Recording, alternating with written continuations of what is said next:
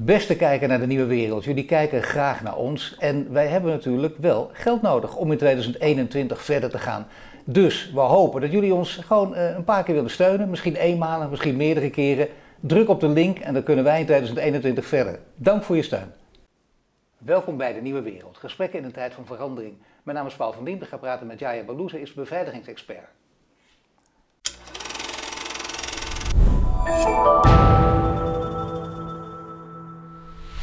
Ja, ja, welkom. Dank je. Ja, beveiligingsexpert, digitaal beveiligingsexpert natuurlijk. En je moet het grote verhaal bij jou vertellen. Hè? CISO, neem maar kwalijk, ben je nu bij AVA Software. Dat is een, een informatiebeveiligingsbedrijf. Leverancier van, van oplossingen. Waar je vaak kritisch op was. Dat is heel mooi. Je weet ook hoe het werkt, maar je werkt het nu zelf. Hiervoor was je zeven jaar lang uh, CISO bij uh, KPN. En bij KPN, zo, en trouwens, dat mag ik ook niet vergeten, je behoort ook tot de internationale top 100 van security influencers. Dat wordt altijd, ja, Nee, want, laten we die even houden, dat is ook een grote. Maar hoe je bij KPM bent binnengekomen, dat blijft ook een prachtig verhaal. Het ging om een jongen van 17, hè, 17-jarige eh, Koreaanse jongen, die kon dan makkelijk de boel hacken. En dan dachten we, nu hebben we, gaan we het serieus nemen. Nu hebben we echt iemand nodig die van wanten weet. Want iedereen en alles is te hacken en jij kwam er binnen en jij ging de boel ook hacken. Jij zou alles kunnen hacken, volgens mij ook niet. Nee, uh, ik heb uh, mensen die bij me werken die veel beter zijn dan, dan ik zelf in de hack, uh, in hacken. um, maar um, nee, dus ik kan niet alles hacken, maar zij wel. En gelukkig, uh, wat ik kan doen is heel goed snappen uh, wat zou je moeten beschermen, zeg maar, om uh, zo kosteffectief de meeste hacken te kunnen voorkomen. Dan moeten we even duidelijk maken. We gaan een aantal actuele zaken doornemen. We gaan mensen geen angst aanjagen, maar het zijn wel angstaanjagende ja. zaken die nu plaatsvinden. Het geluk is, het voordeel, er is iets tegen te doen. Ja, Af en toe voel jij je ook een roepen in de woestijn. Dat is jammer, maar uh, misschien ook door dit gesprek en andere gesprekken uh, kan daar wat aan gedaan worden. Het grote voordeel is ook, uh, we praten over corona, maar er is dus iets nog veel groters. Dat is dit op lange termijn. En daar moeten we heel veel aan kunnen doen, aan die digitale beveiliging. Het is belangrijk, want laten we naar een paar zaken kijken die de afgelopen tijd voorbij zijn gekomen. bijvoorbeeld Microsoft gehackt. We dachten dat kan niet voorkomen. bijvoorbeeld alle andere hele grote bedrijven gehackt waar we het ook niet van hadden gedacht. En was de rode draad SolarWinds. Dat is de, het IT-bedrijf dat er steeds achter zit. En dan moet jij misschien dat verhaal uitleggen, want jij bent een van de eerste die er al jaren geleden voor gewaarschuwd heeft. Nou, waar ik voor gewaarschuwd had, uh, by the way, en ik zeg altijd dat uh, CISO's, informatiebeveiligingsmensen, zeg maar, die zijn vaak een soort Cassandra's. Dus roepen in de woestijn, dus het is gewoon de, de uh, beeld van de Griekse uh, godin, zeg maar, die wist wat de toekomst zou zijn. Of het is niet een godin, maar het is gewoon een Griekse mythologische figuur. Ja. Maar ze wist wat de toekomst was, maar uh, niemand gelooft er. Ja. Um, en het, het, voelt heel vaak zo. Dat je gewoon zegt, zegt continu, nee, maar dit zou echt kunnen gebeuren. Dat we gewoon... Uh, onbewust dingen in onze netwerken en onze systemen zitten. We hebben geen idee hoe dat samengevlochten is met andere partners en leveranciers waar we mee werken. En uiteindelijk zijn we allemaal de piloot, omdat dat ene kleine ding, dat ene kleine applicatie of software of uh, uh, open source library, die wordt dan gehackt en dan zijn we allemaal even klaar uh, in de zin dat we kunnen niks meer doen. En dat is ook het verhaal met Microsoft van alle overheidsagentschappen uh, door SolarWinds. Um, er was een backdoor daarin geïnstalleerd in de mechanisme waarvoor zorgt dat je een goede nieuwe update krijgt. Dus die update mechanisme, zeg maar, die update server, in plaats van een legitieme versie van dat nieuwste versie van de software uh, geven, hadden ze een versie naar alle hun klanten gestuurd waar zo'n um, uh, Trojan horse, zeg maar, in zat. Zo'n backdoor. Ja. En die backdoor, uh, die zeggen ze nu dat het gewoon door de Russen gemaakt is met deze heel uh, doelbewust exploitatie van hele belangrijke Er is malware aan toegevoegd. Ja, ja. Maar het komt steeds wel terug op het bedrijf, we gaan zo over de Russen praten, maar het komt steeds terug op het bedrijf SolarWinds. En ja. veel mensen denken ook weer, want zo denk je toch vaak, oh, daar ja. heb ik niets mee te maken. Ja. Bijvoorbeeld MKB-bedrijven. Ik heb van jou ook uh, korte lezingen gezien, TEDx uh, toespraken die je gehouden hebt, waarin je dat een jaar geleden al zei. Hè? Juist het MKB moet hiervoor oppassen, heeft hier ook mee te maken. Nee, heel vaak, weet je wat het is? Heel vaak uh, denken mensen ook, oh, ik heb niks te verbergen. Ze zijn niet achter mij, de Russen, whatever, YOLO. Ja. Maar dat, zo zit het echt niet. Het ging erom dat er heel vaak um, gewoon bijvangst of bijschade is aan deze bedrijven die afhankelijk zijn van hun eigen leveranciers. En dat dit gewoon een soort keten gebaseerde aanval is, dat laat het weer zien. Dus MKB heeft dergelijk uh, problemen mee, omdat simpelweg zijn ook aan dit keten verbonden. Maar dat betekent dus Microsoft, het Amerikaanse securitybedrijf FireEye notabene. Ik denk dat dat kan helemaal niet. Daar gebeurt het ook. Het lijkt ver weg, maar dat is het niet. Want het MKB is er ook aan verbonden, heeft ermee te maken. Alleen, dan weet je dus, uh, toch de, de, de, terugkerende naam is SolarWinds. Ja, Die, maar komt steeds iedereen gebruikt SolarWinds. Iedereen is er ook voor gewaarschuwd. Nou, dat, maar kijk, wij gebruiken, helaas maar waar wij gebruiken allemaal over de hele wereld dezelfde applicaties, dezelfde software, dezelfde hardware. Die komen vaak ook uit dezelfde bronnen. Maar het is zo'n uh, complexe boel geworden met zoveel verschillende partijen die aan elkaar ook verstrengeld zijn, dat we heel veel moeite hebben zeg maar, om dat weer uit te vlechten van elkaar. En dus daardoor. Um, weten we niet meer daadwerkelijk wat onze afhankelijkheden zijn. En sowieso niet onze interafhankelijkheden. En dat is waarvoor ik ging pleiten in Nederland, dat we alsjeblieft dat inventariseren. Dus alle kritische infrastructuur, dat we weten van elkaar wat we hebben. Maar ik kan je nu al vertellen, ik weet 100% zeker dat al die bedrijven ook nog uh, ergens gebruik maken van SolarWinds, maar hebben dat niet opgeschreven in de daadwerkelijke mogelijke uh, kwetsbare plekken die ze onderling met elkaar delen. En dat is het wel. Waarom hebben ze dat niet gedaan, denk ik? Nou, omdat er zoveel andere dingen zijn wat we met elkaar delen. Dus als het gaat over welke leverancier heb je voor je uh, telecommunicatie, welke uh, bankaire systemen gebruiken jullie, weet je, uiteindelijk komt het erop dat we toch met elkaar dezelfde dingen gebruiken. Dat hebben we gezien met de DDoS op de banken. Uh, en dat we uh, keken als er issues waren in de Swift-keten of de betaalketen, dat, we allemaal daar last van hebben. Het is goed dat je er even uitpikt en zo. Daar heb je ook vaak of gewaarschuwd en met name ben je boos. Of, laten we zeggen, uh, je hebt het genoemd de slome aanpak. Ik moet het ook letterlijk citeren. Dat vond ik al mooi. Je hebt het drie, tot drie keer toe ergens geroepen. En ik denk, ja, dat is het ook, die slome aanpak. Omdat we dachten, ach, wat maakt het uit en dat doen we wel. Waarom gebeurt daar zo weinig aan? Altijd weer het verhaal. Elk jongetje of meisje dat een beetje handig is, 16, 17 op het zolderkamertje. En dan lachen we er een beetje om en verder laten we het op zijn beloop. Dat vind ik wel vreemd. Vooral in de wereld die ertoe doet, die weet, ja. die verwanten weet. Ja. Kijk, we zijn uh, iets minder slam geworden in de afgelopen anderhalf, twee jaar. Uh, en dat is voornamelijk te danken aan uh, politie en justitie en Europol, die dan een gecoördineerde actie hebben genomen om een hoop van die dark web marketplaces en dan een paar van de DDoS, de grote jongens zeg maar, die, waar je voor 3 euro uh, gewoon een lekkere ja, kon starten. Ja. Uh, dat hebben ze aangepakt, maar we moeten het veel beter doen. En niet alleen maar reactief die dingen proberen uit de lucht te halen, maar gewoon beter in staat zijn om preventief te zeggen: nee, het, het is gewoon iets wat je kan al verbeteren vanaf je netwerk met een paar best practices. Uh, dus als je niet dat toevoegt in je netwerk, dan heb je gewoon geen verbinding. Pech. En dat uh, zouden we veel strenger en gerichter moeten doen met alle partijen die hier al aan werken. Kijk, in Nederland is het redelijk goed te doen. Het probleem is dan alle bedrijven die een interkoppeling hebben zeg maar, met Nederland. En dan zie je gewoon dat dat keteneffect weer. Dat als je één uh, grote verbinding hebt met Brazilië bijvoorbeeld of met Israël, dan zie je weer al die lekkere DDoS-verkeer weer inpoppen. Uh, en ik denk dat wat heel goed is in Nederland is we snappen wel de ernst van het probleem. Uh, we hebben een DDoS Clearinghouse die laatst opgezet is. We hadden No More DDoS. Uh, dus die dingen, die acties leiden toe dat we langzaam de probleem oppakken.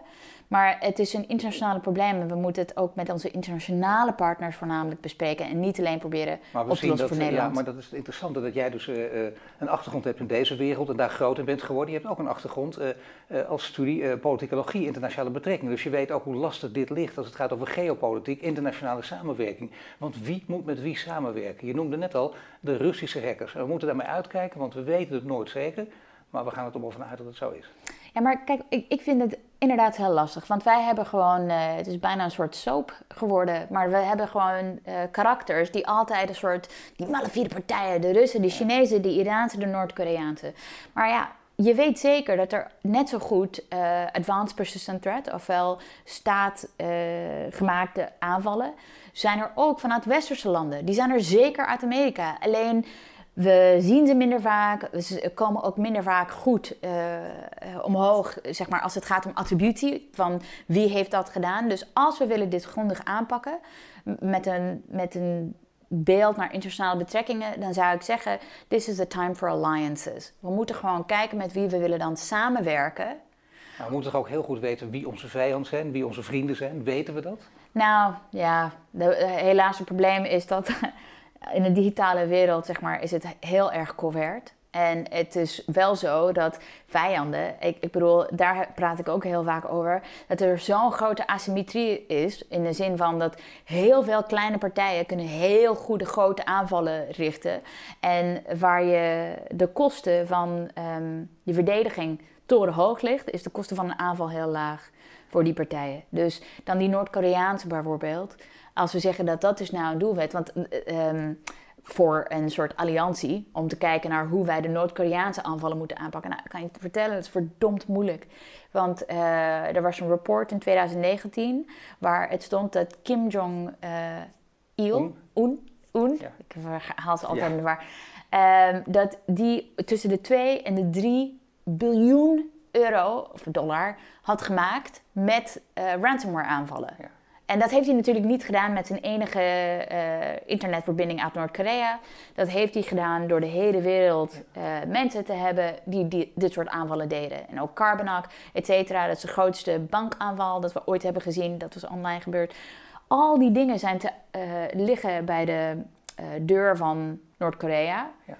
Ja. maar hoe los je zo'n probleem die zo fragmenteerd distribueerd door de hele planeet is? Want het ziet eruit als je alleen maar op verkeersanalyse zou gaan, dat het net zo goed uit Hongkong, uit de Filipijnen, uit Singapore vandaan komt. Ja, dat is een andere, laten we zeggen, uh, dit kun je niet met de normale geopolitieke blik bekijken. Dat is al ingewikkeld genoeg. Hè? Ja. Daar is al veel strijd over, maar dit is toch een parallel universum, mag je zeggen, deze Precies. digitale wereld. Ja, Nee, dat is heel goed samengevat. Het is een parallel universum waar je gewoon net zo goed je vijanden en je vrienden moeten weten. En als je het niet weet, gewoon al in staat moet zijn zeg maar, om met allebei te kunnen werken. Ja, mag ik je dan toch even, jij hebt het ongetwijfeld gelezen, je kent hem natuurlijk ook, Huip Modderkolk. Die schreef het boek Het is oorlog, maar niemand die het ziet. Ja. De mensen dachten ook, die, die overdrijft, dat is een mooie marketingtitel. Nou, dat is niet zo overdreven, want hij gaf natuurlijk heel veel voorbeelden, mm -hmm. uh, vergaart ook steeds meer kennis en denkt, ja, er is meer aan de hand. En uh, toen heeft hij ook geciteerd, ik doe het voor de duidelijkheid even letterlijk ook weer, uh, minister van Defensie Ank Bijleveld, 2018, we zijn in oorlog met Rusland. En ze zegt, internationale regels voor oorlogen, die gelden niet voor digitale aanvallen, dat moet ik er wel bij in beschouwing nemen, maar voor de duidelijkheid wil ik het toch zo neerzetten. Hebben beide gelijk. Heeft Modderkolk gelijk als hij zegt het is oorlog, maar niemand die het ziet. Heeft Ank Bijleveld gelijk dat ze zei in 2018 we zijn in oorlog met Rusland. Ik denk dat ze beide. ja, het is, ja, nou, ik denk dat ze beide inderdaad gelijk hebben in de zin van het, daar is zeker een oorlog gaande. Um, en dat zie je gewoon. Als je kijkt op Digital Attack Map voor de DDoS'en, als je kijkt naar dit soort uh, omstandigheden waar we nu in zitten met SolarWinds door de hele wereld. Het is zeker een oorlog. Um, en het is ook heel duidelijk altijd gezegd dat het zou een oorlogsgebied zijn. Dus we hebben het heel lang over dat vijfde dimensie van oorlog. Dat je hebt land, sea, air, space. En de vijfde dimensie is cyber. Ja. Dus we hebben altijd gezegd, hier mag gevochten worden. Ja. Um, uh, in de afgelopen jaren. Dus het zou niemand moeten verbazen dat het dan ook gebeurt. Ja. Wat ik denk... Uh, wat ik denk duidelijk moet zijn is, als het oorlog is en als je kan waarnemen dat de andere partij, Rusland, dusdanig op het veld zit dat we kunnen verpointen, haha, kijk, daar zie je een Russische aanval. Waar zijn onze aanvallen dan? Wat is de Het kan niet zijn dat het een oorlog is waar maar één kant vecht. En die andere kant alleen maar verdedigen. dat zou heel pijnlijk zijn, want dan waren we lang onder de voet gelopen en dan zouden we niets kunnen. Hoe komt dat? Wie is daar, uh, ik, ik, bedoel, moet, moeten we met de, uh, de beschuldigende vinger naar de media wijzen? Je mag dat doen natuurlijk, ook aan deze tafel. Dat, dat het eenzijdig wordt belicht, weten ja, we het niet. De vraag is, ik denk dat er hier ook, dat het heel ingewikkeld is om duidelijk te weten wat zijn de westerse uh, aanvalstechnieken. Want of ze komen minder goed aan de licht. Of ze schuilen onder een soort nationale uh, beveiligingsgeheim. Dat je het gewoon staatsgeheim, dus je mag er niks over zeggen. Um, maar die campagnes, je zou verwachten, tenminste, dat die beter uh, naar voren zou komen. En een hele goede reden qua internet waarom ze niet naar voren zijn gekomen, is hetzelfde reden waarom het zo moeilijk is om iets te doen tegen Noord-Korea. Omdat als je als Nederland een aanval zou doen, het zou heel dom zijn om het te doen vanuit Nederland. Of met gewoon Nederlandstalige instructies even erbij in de code. Weet je, dus je doet alles om attributie uh, te werpen op een andere uh, doelgroep dan dat je zelf ben. Dus het is heel goed dat er iets is dat heet een false flag operation. Dat je juist een aanval doet, maar je laat het eruit zien alsof het de Russen zijn. Maar dat zien, het zijn niet alleen de Russen die in Microsoft willen of van al die Amerikaanse overheidsdelen. Het is heel gek wie daadwerkelijk je vrienden zijn en daadwerkelijk je vijand. Het zou dus kunnen, bijvoorbeeld uh, het securitybedrijf, het Amerikaanse bedrijf uh, FireEye. Het zou kunnen dat ze, uh, ze zeggen zelf, we zijn gehackt door Russische hackers, waarschijnlijk van Kozibeer, ook weer gelinkt aan een buitenlandse Russische dienst, dat, dat, dat het ook fake is nou niet fake, maar. Nee, maar fake in, de, in, de, in, de, laten we zeggen, niet in, in, nee, laten we het woord niet gebruiken, want dan krijgen we andere associaties bij. Precies. Maar dat ze wel probeer, hebben geprobeerd je op het andere been te zetten. Dat zou kunnen. Dat, het dus geen aanval is van de Russen ja, het zelf gedaan het is, hebben. Het is, weet je, nogmaals, ik heb niet, ik heb de report van FireEye gezien, maar ik heb niet alle.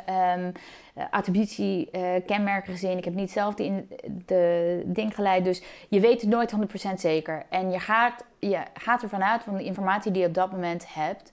om dat attributie te bepalen. Maar het is altijd ingewikkeld. En in informatiebeveiliging zeggen wij altijd: attribution is a shit show. Weet je, je, gaat proberen op basis van de informatie die je voor hebt, te proberen gewoon soort puzzel in elkaar te zetten. Je gebruikt die Amerikaanse woorden, mensen ergen zich altijd aan. Hè, maar die oh, denken, als, ne als ne jij niet, niet ja, als Nederlanders dat voortdurend doen, toepassend op, dat slaat ook nergens op. Maar jij bent natuurlijk een geboren Amerikaanse. Dat uh, verklaart veel. Dus ja, Nederlands is fantastisch. Maar logisch dat je af en toe, dat zeg ik maar even bij voor mensen die niet weten, dat je logisch ook af en toe natuurlijk eh, deze Amerikaanse uitdrukkingen gebruikt het is wel mooi, hè, de shitshow, dat is een heel goed woord. Want dan, hebben we, dan, dan zien we dat het is een complexe wereld, maar we willen toch duidelijkheid scheppen in zo'n wereld. En dan zou je kunnen zeggen, nou, de vijanden zijn inderdaad uh, Rusland, China, Noord-Korea, Iran. Dat is lekker makkelijk en wij staan aan de goede kant en zo simpel is het dus gewoon niet. We zetten elkaar voortdurend op het verkeerde been en we weten het niet vanwege het parallele universum. En dat maakt het eigenlijk eerlijk gezegd nog angstaanjagender, ben ik bang. En weet je wat het is? Het is ook heel grappig hoe dat daadwerkelijk werkt in zo'n wereld waar je elkaar voortdurend aanvalt en moet verdedigen. Ook mogelijk soms tegen je vrienden. Ja. Um, daar is ook een verhaal geweest van um, een uh, hacker die werkte voor die uh, Indiaanse uh, um, geheime dienst, zeg maar, om te kunnen aanvallen. Dus een deel van die offensieve cyberoperatie van India. Dus die vertelde op een conferentie in een soort uh, kleine comité van hackers, dan vertelde hij gewoon doodvrolijk, ja, als we gaan iets targeten en dan vervolgens gaan hacken, dan gaan we eerst kijken, is er al iemand die wij kennen al geweest op deze apparaat. En dat is waar ze eerst voor kijken. Ze kijken voor een bepaalde watermark, een soort stempel, om te laten zien dat een andere vriendelijke land al op datzelfde uh, systeem is geweest. En wat, wat doen ze dan? Dan gaan ze stoppen. Dan gaan ze niet hun dure um, uh, uh, aanvalswapens, zoals een zero day of een andere aanvalstechniek uh, wat ze al zouden hebben, om te laten zien dat zij er ook waren, gaan ze niet gebruiken. Dan gaan ze gewoon eruit. Dus dat is hun allereerste stap. Zijn er andere mensen die we kennen? Maar soms, wat gek is, ze komen ook andere watermarks tegen die ze niet kennen, maar net zo goed laten zien dat het systeem al eerder binnengedrongen is. En dan verzamelen ze dat om te hopen zelf dat ze kunnen gewoon een lijst hebben van: oké, we weten niet precies wie die is, maar die is op deze systeem. Oh, en we zien hem ook daar. En dan eh, houden ze dat bij van elkaar. Dus heel vaak in dit oorlogsveld heb je toch wel een soort een kaart waar je kan zien wie waar is geweest. Alleen, dat is niet openbaar. Het is wel bekend aan degene die die offensieve cyber operations doen, maar niet aan degene die daadwerkelijk de beleid moet maken om te laten weten wat we, wij als land uh, moeten doen zeg maar, om te verdedigen of aanvallen voor de volgende ja, keer. Ja, dat is wel heel jammer eigenlijk. Hè? Want we willen juist in tijden van transparantie alles weten. We willen ook een overheid hebben die we kunnen vertrouwen. Daar is transparantie hard voor nodig. Als je in bedrijven werkt als CISO, dan verwacht je dat ook. Hè, jij wil ook niet rapporteren aan een, voor het nog ingewikkelder maken, aan de CIO. Dat is ook logisch, Chief Information Officer. Want als je dat zou doen, ja, dan, dan, dan heb je twee, ook weer twee werelden die tegen elkaar botsen. Dat kan juist niet. Dus ja, het is te makkelijk natuurlijk en, we, kunnen hier geen kant-en-klare oplossing eh, neerleggen. Maar toch, welke richting moet je denken? Want uh, als we niet weten welk land welk land aanvalt, ook al zeg jij het zou kunnen dat we met elkaar in oorlog zijn, dat Bijleveld niet overdrijft, dat hij Modderkolk niet overdrijft. Hè, want het is, het, is, het is inderdaad een belangrijk iets, die, die cybercrime en cyberoorlog dan kun je er één oplossing tegen inzetten. Namelijk, er is één bedrijf wat steeds moet oppoppen. Daar hebben we het nu ook tien keer over gehad, SolarWinds. Mm Moeten we niet een gezamenlijke aanval met vele landen uh, uitoefenen, tussen aanhalingstekens, op SolarWinds? Nou, dat, dat, gaat mij iets te ver, maar misschien wel jouw eerste deel van de vraag was: wat zouden we moeten doen, zeg maar in de zin van transparanties om die CISO's te helpen? Daar heb ik best wel een aanpak voor. Um, want waar het om gaat is, kijk, uh, iedereen heeft uh, binnen hun eigen land grenzen kritische infrastructuur die ze moeten beschermen. En ieder land heeft ook bepaalde belangen waar ze dat noodzakelijk voor achten dat ze moeten gewoon een aanval kunnen plegen op een ander land. Dat, dat, gaat gewoon. Want we stellen als eerste fundament, daar is inderdaad een oorlog gaande. Dus er wordt ook aangevallen. En dus je moet ook misschien offensieve cyber zelf ook doen. Dat, dat doen wij ook. Dat, bij machtspolitiek. Ja, maar dat gebeurt ook in Nederland. Dus, maar dan denk ik dat als we zoiets doen, dan moeten wij uh, onze eigen verdedigingspositie niet kwetsbaarder stellen dan dat dat al is. Dus alsjeblieft, de transparantie hoort erbij. Dat als je zo'n aanval uh, gaat doen, of hebt gedaan, of heb een zero-day aanval gekocht of zelf gewonnen. Um, dat je een bepaalde proces opzet, wat ook consistent wordt gevolgd. Um, op het moment dat je zo'n uh, kwetsbaarheid weet en dat het heel heftig is en dat heel veel mensen hebben daar uh, last van, sowieso in je eigen land, zorg ervoor dat je een bepaalde vertrouwensgroep hebt binnen je kritische infrastructuur, waar je kan zeggen: Oké, jongens, even duidelijk, dit moet allemaal gefixt worden, want wij hebben nu zo'n heftige iets. En, dus dat je, en dat in een ander land, dat heet een uh, kwetsbaarheid. Uh, nou ja, dit is een heel, ik probeer nu te vertalen voor, voor iets wat niet een duidelijke vertaling is. In ieder geval even een vertrouwensgroep. Ik denk dat dat een belangrijk woord is, dat je die nodig hebt. Die heb je in andere landen heb je ook vergelijkbare. Maar wie maken het deel uit van een vertrouwensgroep? Zijn het verschillende experts? Het moet verschillende experts zijn, maar wel mensen gewoon met een bepaald niveau van screening die je zou kunnen vertrouwen met zoiets. En ook met een duidelijke operationele functie waar ze dingen kunnen inzetten en doen.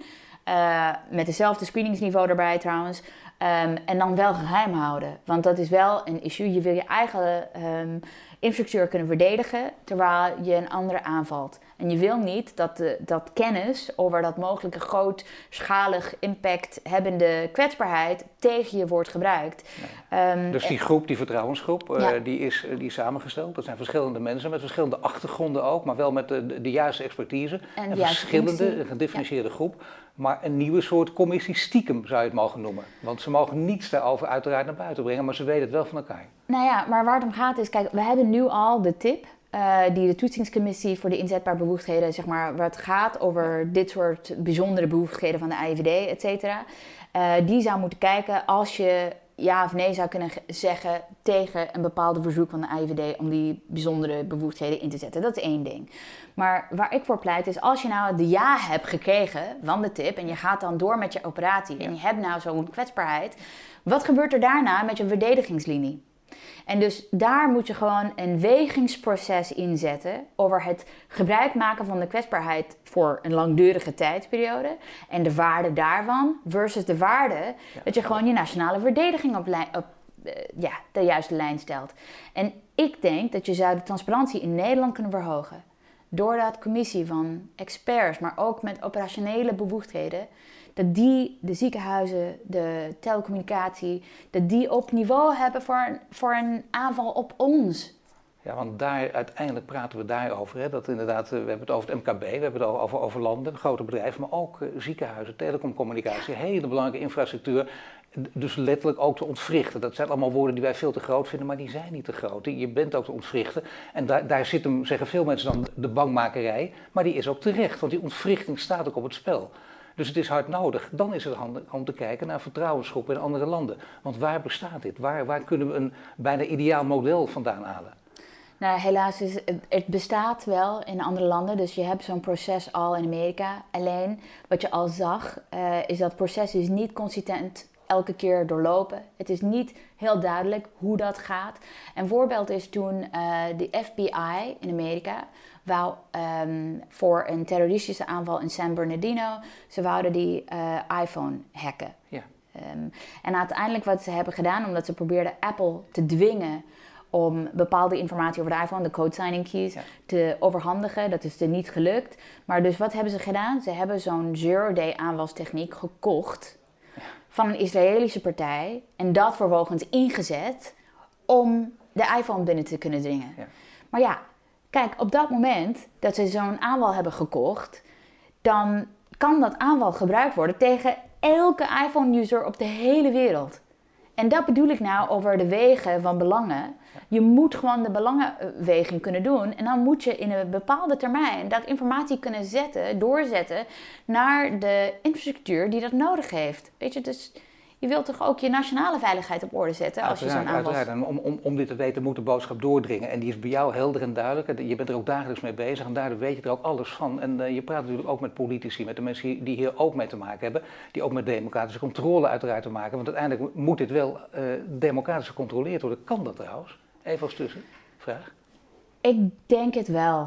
Alleen, kijk, uh, democratie betekent dat je gewoon een hele grote mate van transparantie hebt.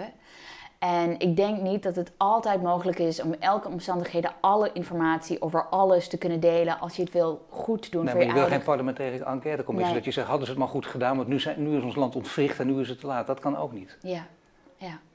Nee, dit, dit is wat ingewikkelder en je moet kunnen kijken, zeg maar, hoe... Maar er komt wel een moment, ben ik bang, dat je wel zo'n enquêtecommissie gaat krijgen, omdat het gaat wel een keer fout. Maar ik vind het zo jammer dat we altijd moeten wachten tot er, er een ja. bepaalde kalfverdrinkmoment is. Maar wacht even, ja, als je dit zegt. En jij bent dus, ik zeg al, dat heb ik niet, niet overdreven, gewoon een van de grote influencers ter wereld notabene ook. Je doet die waarschuwing uit en je zegt, ik ben bang dat er wel zo'n parlementaire enquêtecommissie nodig is. Want je ziet tendensen gaande die erop wijzen. Dat er echt van alles misgaat, dat het ontwrichting kan leiden. Nee, want soms heb ik het idee dat mensen vinden dit onderwerp te ongrijpbaar om concrete oplossingen daartegen aan te zetten, ook binnen een beperkte tijdsgrens. Uh, want dan heb je altijd van die laten samen bespreken, maar gebeurt gewoon niks. Ja. Dus weet je, dit, al die bla bla commissies, daar heb ik geen zin in. Het moet gewoon duidelijk gerichte actie zijn. En je moet. Um, want die ene. Oké, Paul, om, het heel duidelijk te maken. Als we één ding zouden kunnen goed te doen. Het, het, is, het gaat erom dat we de kwetsbaarheden die we zelf hebben als land. moet zeer goed gemanaged worden. Dat die interafhankelijkheden die we hebben tussen de verschillende sectoren moet duidelijk in kaart gebracht worden. Tot en met de detail van een SolarWinds-achtig product. En dan vervolgens moet je gewoon continu met elkaar, niet in overleg, niet in overleg, maar in actie kunnen komen wanneer echt iets fout gaat. En dat operationele daadkracht, dat mis ik.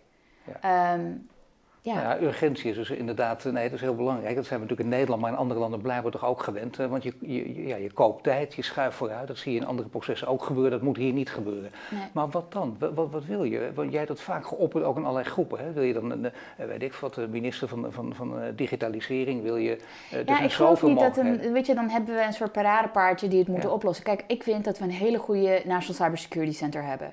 Alleen, je moet ervoor zorgen dat ze ook dingen kunnen doen. En niet alleen bijpraten. Dat uh, bepaalde dingen, wat gewoon helemaal niet kloppen. Zoals bijvoorbeeld dat je niet zegt, oké, we hebben een Nationaal Cybersecurity Center. Maar ja, we moeten wel oppassen dat ze niet de GDPR-infringement gaan doen. Ja. Dus dan denk ik, zijn we helemaal de draad ja. kwijt? Want natuurlijk moeten ze nee, omgaan... dan ga je opeens de privacy erbij halen. Ja, dus natuurlijk moeten ze omgaan met dit soort informatie. En ze moeten het wel op een privacybewust manier doen, dat wel. Maar als ze niet kunnen uh, iets doen met IP-adressen, als ze dat niet kunnen doorzetten naar bedrijven waar het bij hoort of uh, personen waar het bij hoort, als ze niet gewoon daadwerkelijk hun werk kunnen doen, dan hebben we ze te veel belemmerd in plaats van vrijgelaten om de werk die ze moeten verrichten te kunnen doen. Dus, ja. En dan komt er wel zo'n enquêtecommissie en dan krijg je ja, nee, helaas, maar en dan kun je makkelijk, zeker in zo'n complexe wereld, die kun je nog complexer maken natuurlijk. En er zijn natuurlijk heel andere spindokters aan bij betrokken. En dan kun je ook helemaal weer naar elkaar gaan ja. wijzen. Maar ja. het is dus al, kijk, mensen roepen dat heel vaak in dit soort situaties, ook op andere terreinen. Het is vijf voor twaalf, het is vijf, dat kun je niet ja. blijven roepen. Hè? Nee. Op een gegeven, en je kunt niet zeggen, misschien hier ook, er moet eerst een groot ongeluk gebeuren voordat we wakker worden. Ik ben bang dat het, als ik jou beluister, dat het in deze wereld ook het geval is. Ja, maar weet je wat het ook is? De vraag is, soms heb ik ook het idee, want je wordt er in, in, je krijgt ook een soort incidentvermoeidheid. Het is elke dag weer een data breach. Ja. Het is elke dag. Dus de vraag is, wat heb je nog meer nodig? En moeten we alleen maar leren van de dingen die ons zelf overkomen? Kunnen we nu niet al leren van wat er daar gebeurd is, voldoende om gewoon zelf nu actie te nemen eindelijk, in plaats van te wachten dat we weer zo'n Nederlandse versie van SolarWinds hebben. Eigenlijk hebben we al SolarWinds. Ja. Want er zijn ook heel veel bedrijven in Nederland die het ook gebruiken. Dus we zou, het zou genoeg moeten zijn. En je zou eigenlijk een, weet je, wat Microsoft, uh, Microsoft is heel grappig, want je, je bracht ook dat Microsoft nu, nu ook impact uh, hiervan had. Ik vind um, dat zij het, ja, is ook. Maar het, wat ik vind dat ze heel goed hebben gedaan ooit, want Microsoft was ooit de soort um, uh, ja, slechtste in de klas wat dat betreft in security ooit op een periode. En dan hebben ze dat helemaal omgedraaid. En hebben ze gezegd, ja, we willen dat niet meer. We gaan gewoon heel erg richten op security en we gaan alle andere bedrijfsoperaties even opzij zetten voor een paar maanden en gaan we gewoon hier focus aan wijden totdat het goed is en dan pas gaan we verder met de rest. Maar dat heb je in het klein bij KPN toch ook meegemaakt? Dat was ook niet, nou ja, je mag het nooit vergelijken, maar dat was ook niet heel belangrijk en dat is heel belangrijk gemaakt. Ja. heb je een belangrijk aantal in gehad. Dus je kan bijna, je kunt wel zien hoe die processen verlopen om, om het in die gewenste richting te krijgen. En ik moet wel zeggen, ik heb heel veel geluk gehad en dat is ook bij Microsoft. Ik had een CEO en een COO die daar heel veel hard voor had. Om te zorgen ervoor dat alle obstakels die ik had, waren redelijk uitgeblazen. Kijk, en en dat was ook een, een moment in time waar ik gewoon heel veel animo had. Zeg maar. Ik had een soort drijfkracht door de hack die er was net voor mijn tijd. En ik, heb, ik ben aangenomen net na die hack. Dus ik had die, die incident al achter me. En kon ik alleen maar focussen over wat ik nog moest doen. Dus ik had heel veel geluk. Maar ook dat is, ja, je had heel veel geluk. En de goede mensen om je heen, dat is het vervelende inderdaad. Je moet dat ideale verhaal hebben. Je kunt het ook niet als blauwdruk gebruiken voor een ander. Je kunt wel zeggen, zo zou het moeten. Maar het is nooit een echte blauwdruk natuurlijk. Nee, nee. En, ja, nee, ga je gaan? Nee, maar het is niet een echte blauwdruk. Maar je zei net twee dingen wat ik denk wel alles bepalen. Ik heb een team had en die ik nog steeds heb. Ik heb heel veel contact met ze nog waar ik al mijn inspiratie vandaan haalde om gewoon verder dingen te doen. Dus dat team was echt alles voor KPN. En dan had ik ook leidinggevenden die niet zeiden alleen maar: het is zo ingrijpbaar, het is zo ingewikkeld. Dat zeiden ze niet. Dus ze zeiden gewoon: wat moeten we doen? Prioritiseren. En dan gaan we gewoon stapje voor stapje de, de ingewikkelde ui van het probleem afpellen. En dat heb je nodig. En dat is een grote les. Managers en leiders die hier niets van weten, alsjeblieft vermoei er niet mee. Dat houdt alles tegen op alle terreinen, maar hier helemaal. Hè. Dat kom je in deze wereld heel vaak tegen. Dat vinden ze nog leuk ook. Hè. Ook weten niks van, dat is verschrikkelijk natuurlijk. Dat kan niet. Hier, hier moet ook de professional gewoon zijn gang kunnen gaan.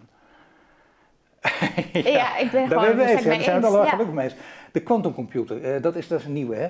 Um, laten we zeggen, Amerika is er heel ver in. China is er ook heel ver in. Europa, ik schets een beetje het beeld dat ik ervan heb en anders mag jij het corrigeren. Europa loopt wat achter. Uh, onze beveiliging, dataversleuteling kan straks gewoon, om, dan denken we dat we veilig zijn, maar kan toch weer, uh, uh, kan toch weer omzeild worden, kan aangetast worden. Hoe staat het daarmee? Dat is namelijk ook een onderwerp waar jij ja, heel lang druk over maakt. Daar zijn we hard aan het vechten. En ondertussen kijken we niet naar de ontwikkeling van die kwantumcomputer en blijven met name in Europa achter. Ja. Wat is daar te doen en wat is waar van dit verhaal? Nou, um, ten eerste, Amerika is inderdaad heel ver. China gooit heel veel geld daartegen en heel veel research en heel veel effort en mensen. Um, maar je kan het niet alleen winnen met uh, een initiële voorsprong en heel veel geld. Ik denk wel dat wij hebben een soort schat in de TU Delft. Uh, we moeten dat schat koesteren. Dat we hebben gewoon de TU Delft. En dat wordt ook als voorbeeld gebruikt door de rest van de wereld voor quantum computing. Ja. Uh, is ons werk bij de TU. En dus ik ben zelf heel trots dat we zoiets hebben. En dat ze ook zo wel kunnen doen. Niet alleen aan de kant van um, computing, maar ook quantumcommunicatie. Om een, om een netwerk te maken waar je daadwerkelijk de versleuteling haalt naar de fysieke laag van de fiber en niet alleen een encryptielaag. Ik denk de toekomst wel is dat we beide moeten doen. Dat we een nieuwe set versleutelingscijfers doen. Dus als er een quantumcomputer komt, dan zijn we gewoon nog steeds oké en kunnen we al onze geheimen geheim houden. Maar um, Delft uh, die doet hun best zeg maar, om zo'n netwerk te kunnen realiseren. Um, ik ben ook coacher, ik weet niet als je dat weet, van de Europese Quantum Flagship. Dat is een miljarden euro flagship voor Europa. Um, om gewoon een hele nieuwe track te zetten voor alle quantumtechnologieën. Europese cybersecurity. Niks nee, uh, het is de, dat ook. Ben je ook? Ja, dit is de European Quantum Flagship. Ik ben aan de Strategic oh, Advisory Board. En dat is van, vanuit de commissie is er een flagship opgericht. We hebben maar 3 miljarden euro projecten in Europa. Maar dat is al de tweede belangrijke Europese functie die je hebt. Hè? Want die ik net noemde, dus even de niks voor ook belangrijk. Ben je, ben je lid van de Raad van Commissarissen? Ja. En dat gaat over de Europese cybersecurity, de dienstverlener. Maar dat zijn dus twee belangrijke Europese functies. Dat betekent ook hier de internationale aanpak. Ja, Ja, nou, weet je wat het is? Ik kan heel moeilijk nee zeggen naar dingen waar ik heel erg gepassioneerd over ben. Dus dan, dan moet ik vaker doen trouwens, want het is niet goed. maar ehm, eh, nee, maar... Um, nou, het gaan 80 uur in een week voor jou, dus dat kan makkelijk in een werkweek, denk ik ook. Hè? Denk ik ook. Ja, ja. Nou, het hangt wel allemaal met elkaar samen. Dat is het grote voordeel, lijkt me. Ja. Ja, en het is wel zo dat ik wel zoveel inspiratie... Ik krijg er zoveel terug van, uh, deze functies. Dus dan doe ik het met liefde. Um, maar je ehm, krijgt er veel terug omdat je ook ziet dat het niet alleen maar een verloren verhaal is. We staan niet alleen maar in je de kan er tenminste wat doen. En dat scheelt ook. Hè? En, en, dat vooral. Hè? Dat, nee, maar dat is wel heel interessant dat je bijna de, de, de, de, oude, mooie Amerikaanse inbreng naar Europa brengt. Van niet alleen maar commissies, maar nu actie ondernemen. Het is hoog tijd, want er zit inderdaad weer de, oh, de volgende hek, de volgende hek. En het volgende verhaal is dat, de vlieg, de, dat, dat het land, uh, nou ja, de stroom wegvalt. En dat we weer zo'n nieuwe pandemie hebben, maar dan een hele andere. En dat wil je niet. Nee. Klopt. En we kunnen dat voorkomen, dat is het goede nieuws toch? We kunnen zeker dingen voorkomen, maar we moeten gewoon iets beter uh, in staat zijn om gewoon niet uit te stellen. We weten al van problemen voor heel lang. Hè? En kijk, de quantumcomputer die is er niet morgen. Die is er misschien over tien jaar, hopen we. Maar hello, tien jaar de tijd om dingen op orde te stellen lijkt me genoeg. Maar wat je ziet is dat we daar heel slecht in zijn juist. Wanneer het komt naar grootschalige verandering op de schaal van die internet kunnen we dat gewoon niet. Bijvoorbeeld, een, een voorbeeld die ik altijd geef, is uh, de transitie van adressen van IPv4 naar IPv6. Het is gewoon dat we meer uh, adressen kunnen hebben op het internet waar alle apparaten met elkaar kunnen praten. Dat, dat transitie hebben we ook niet meegemaakt en dat is 20 jaar geleden. Ja. Dus... Ja, nee, dat goed. Ja, daar, daar, daar, kunnen we in ieder geval van leren dat het nu in tien jaar gewoon wel moet en dat het één decade is niks. Dat is gewoon natuurlijk heel weinig. We hebben nog één punt, waar we toch over Europa hebben. De Raad van Europa is een resolutie aangenomen. Dat is ook een belangrijke. Daar moet je misschien iets meer over vertellen, omdat dat ook een stap in de goede of juist niet in de goede richting is. Nee, het is een stap in de niet goede richting. Want we hebben het weer over het verzwakken, het mogelijk maken om encryptie te kunnen verzwakken. En we hebben dit gesprek gehad. Het gaat over toegang tot versleutelde data. Ja. Met als argument altijd om terrorisme tegen te gaan. En, en pedofilie. En pedofilie. Kijk, niemand is. Uh, je gaat niemand vinden, tenminste, misschien vind je wel iemand, maar die mensen horen achter de tralies. Maar je gaat mensen niet zo snel vinden die zeggen: nee, pedofilie, terrorisme, daar heb ik geen probleem mee. Laten die data versleuteld doorgaan.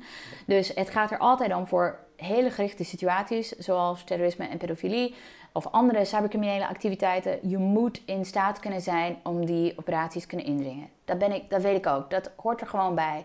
Uh, in een open democratie, je zal altijd van uitgaan dat mensen de goede dingen gaan doen, maar je moet voorbereid kunnen zijn voor mensen die, de slechte dingen gaan doen.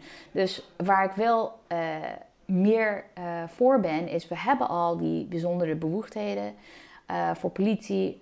we hebben al dat voor um, uh, eh, AIVD, et cetera. Maar we moeten dat soort tactieken kunnen gebruiken in plaats van massaal encryptie voor iedereen verzwakken. Want daar hebben we het nu over. Ja. De probleem is dat als we dat doen, dan maken we onszelf meer kwetsbaar voor China, voor Rusland, voor Noord-Korea. We hebben ook ja, het is echt een soort schizofrenie. Want we hebben aan de ene kant dat voorstel om te zeggen, we willen encryptie verzwakken om het mogelijk te maken om te kunnen aftappen. En aan de andere kant hebben we ook een besluit dat ook uit Europa komt, uit Schrems 2, om te zeggen nee, je kan geen data buiten Europa zetten over Europese staatsburgers als je het niet eerst versleutelt. Dus aan de ene kant vecht je voor beter versleuteling en overal toepassen. En aan de andere kant, nee, laten we het allemaal verzwakken. Dat kan gewoon niet. Nee. Ja, nee, het is heel duidelijk dat er echt nog heel veel werk aan de winkel is. Dat is, dat, dat is goed. Uh, je bent in Europa actief, dus misschien kun je ook die Raad van Europa gewoon op andere gedachten brengen. Dat doe je met, door, door dit soort eh, zaken te uiten natuurlijk, maar omdat, uh, wie zegt dat, alles zit dicht bij elkaar verbonden. Is er enig contact hierover tussen de verschillende groepen die op Europees niveau actief zijn? Want ondertussen ben jij actief, maar doen ze toch, dit, nemen ze wel dit besluit. Ja, nee, maar iedereen is actief en ik denk ook dat het duidelijk is. We hebben ook een platform, zeg maar, voor alle bedrijven die hier aanhangen vanuit de industrie aan Europa. En ook daar, ik heb ook weer een call vandaag uh, daarover. Maar weet je, ook daar, dat hele. we moeten niet denken dat al die industriepartners zijn in eenheid, want dat zijn ze niet. Want mensen willen ook graag uh, met uh, politie justitie aan werken om gewoon die encryptie te kunnen verzwakken. Die partijen zijn er ook nog. Dus daar is geen eenheid. Dat is het grootste probleem. Niet binnen Europa, maar ook niet binnen de sector. En dat is waar je voornamelijk mee bezig ben. Om te proberen gewoon genoeg mensen die precies daarover nadenken. Om dit soort dingen te tegenhouden, zeg maar, de verzwakking van. En dan juist de promotie van meer privacy, security gerichte zaken te laten adresseerd worden door Europa. Om het te beter maken voor ons allemaal. Ja, dus in ieder geval actie, meer actie, minder commissie. Ja. Internet Digitaal Beveiligingsexpert bij AFAS. Hartelijk dank voor dit gesprek. Dankjewel. Dankjewel.